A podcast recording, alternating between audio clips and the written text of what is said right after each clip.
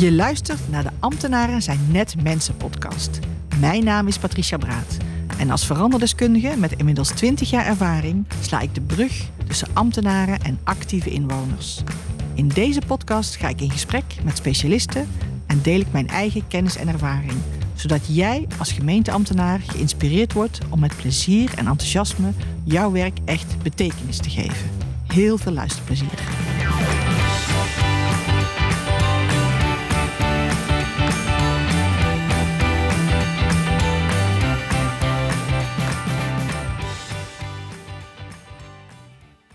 Vandaag alweer de 22e aflevering van de podcast Ambtenaren zijn net mensen. Dit kwartaal is het overkoepelende thema samenwerken.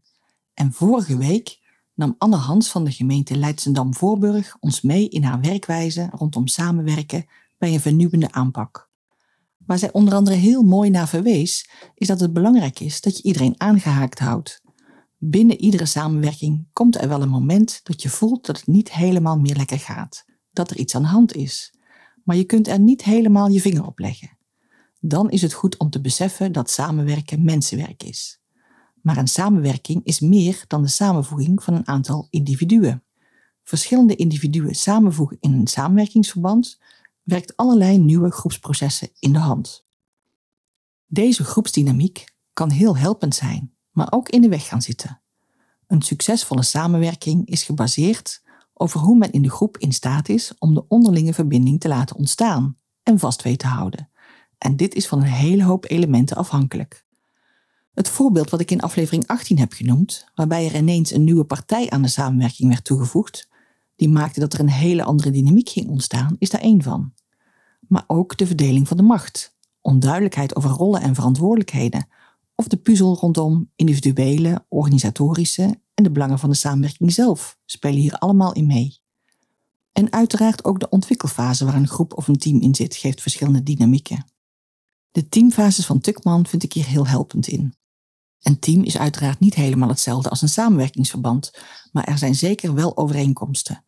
Ik gebruik deze teamfases dan ook wel als toetssteen voor de ontwikkeling van de samenwerking. De eerste fase is de oriëntatiefase. Op dat moment hebben we het eigenlijk over een groep individuen. Er zijn nog geen posities of rollen ingenomen en er is sprake van een afwachtende houding. In de praktijk zie ik helaas veel zogenoemde samenwerkingsverbanden niet verder komen dan deze fase. Alle partijen komen wel opdagen, maar wachten af tot er iemand de regie pakt. Er wordt hier en daar wel informatie met elkaar gedeeld, maar verder dan dat komt het niet. En in het slechtste geval zit iedereen er om voor eigen parochie te preken. Een betrokken ambtenaar heeft dan soms de neiging om de regie te gaan pakken en te gaan duwen en trekken, in de hoop dat de groep de goede kant op gaat bewegen. Helaas heeft dat een tegenovergesteld effect en gaat iedereen nog wat verder achteroverleunen. Fase 2 is de machtsfase. Dit vind ik altijd een hele boeiende fase, maar er zit uiteraard ook een gevaar in.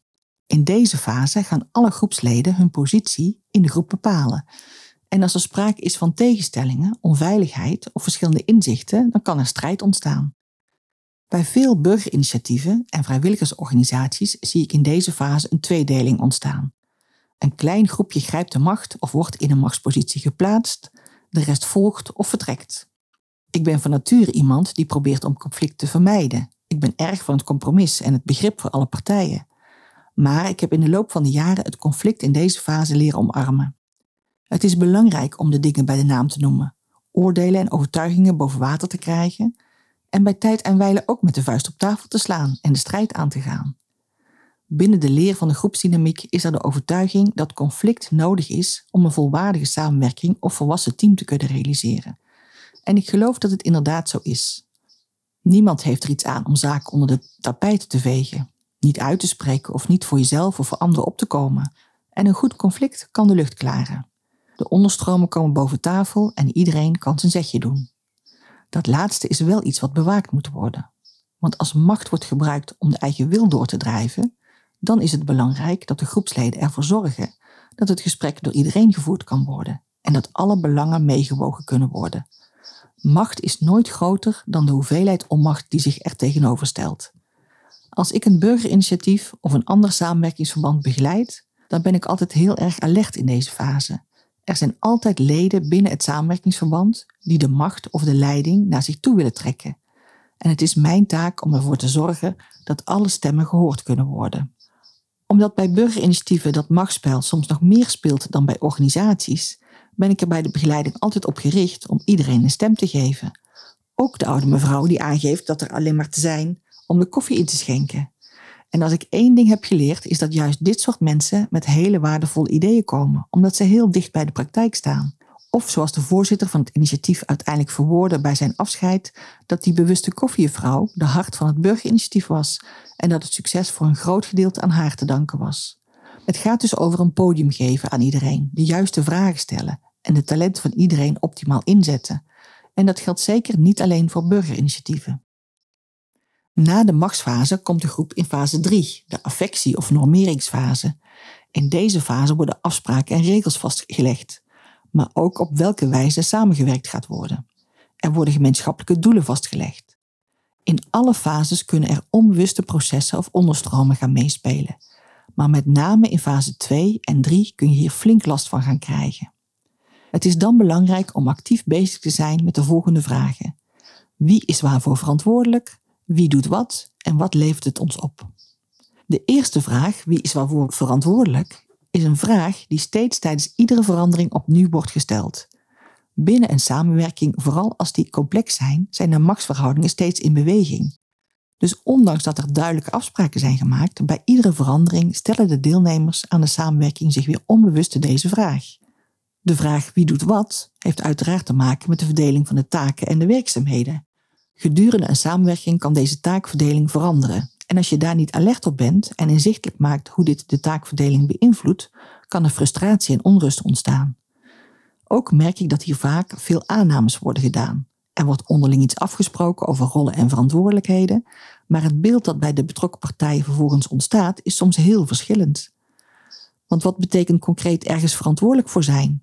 Of wanneer je de eerste keer de notulen hebt gemaakt, moet je dit dan iedere keer doen? Wat heb je nodig in de toegekende rol? En zijn de taken wel toegespitst op jouw talenten of zelfs jouw verantwoordelijkheidsniveau? Dus streef naar zoveel mogelijk helderheid over de rollen, taken en verantwoordelijkheden en check je aannames. En zoals Anne vorige week zo mooi opmerkte, als je voelt dat er iemand een andere kant op gaat of zich terugtrekt uit het proces, geef er dan aandacht aan. En soms is dat al voldoende, zonder direct op de inhoud in te gaan. Soms is de onderstroom een heel oud patroon dat niets met de beoogde samenwerking heeft te maken, maar alles met een oude ervaring en een overtuiging die hieronder ligt. Als je dan oprechte aandacht aan iemand besteedt, dan wordt de lucht al geklaard. Of zoals ik in een andere podcast heb aangegeven, iedereen wil gehoord en gezien worden. Tot slot de laatste vraag. Wat levert het ons op? Is belangrijk om de verschillende belangen inzichtelijk te krijgen. Binnen een samenwerking is er altijd sprake van meerdere belangenniveaus. Het gemeenschappelijk of maatschappelijk belang van de samenwerking, de organisatiebelangen van de partners die aan tafel zitten en tot slot de individuele belangen van de deelnemers. Deelnemers aan een samenwerkingsverband willen een balans hebben tussen hun persoonlijke belang en het gemeenschappelijke belang. Na de normeringsfase volgt fase 4 of de prestatiefase. Dit is de fase waarin er eigenlijk pas van een team of in dit geval een samenwerking gesproken kan worden. De leden binnen de samenwerking vullen elkaar aan en werken samen aan een gemeenschappelijk doel. Mogelijke problemen worden besproken en de taken worden verdeeld. Er is een gezamenlijke verantwoordelijkheid om het resultaat te behalen. Tot slot de laatste fase is de afscheidsfase. Iedere samenwerking is uiteindelijk ook weer eindig of verandert op zo'n manier dat de oorspronkelijke samenwerking niet meer herkenbaar is.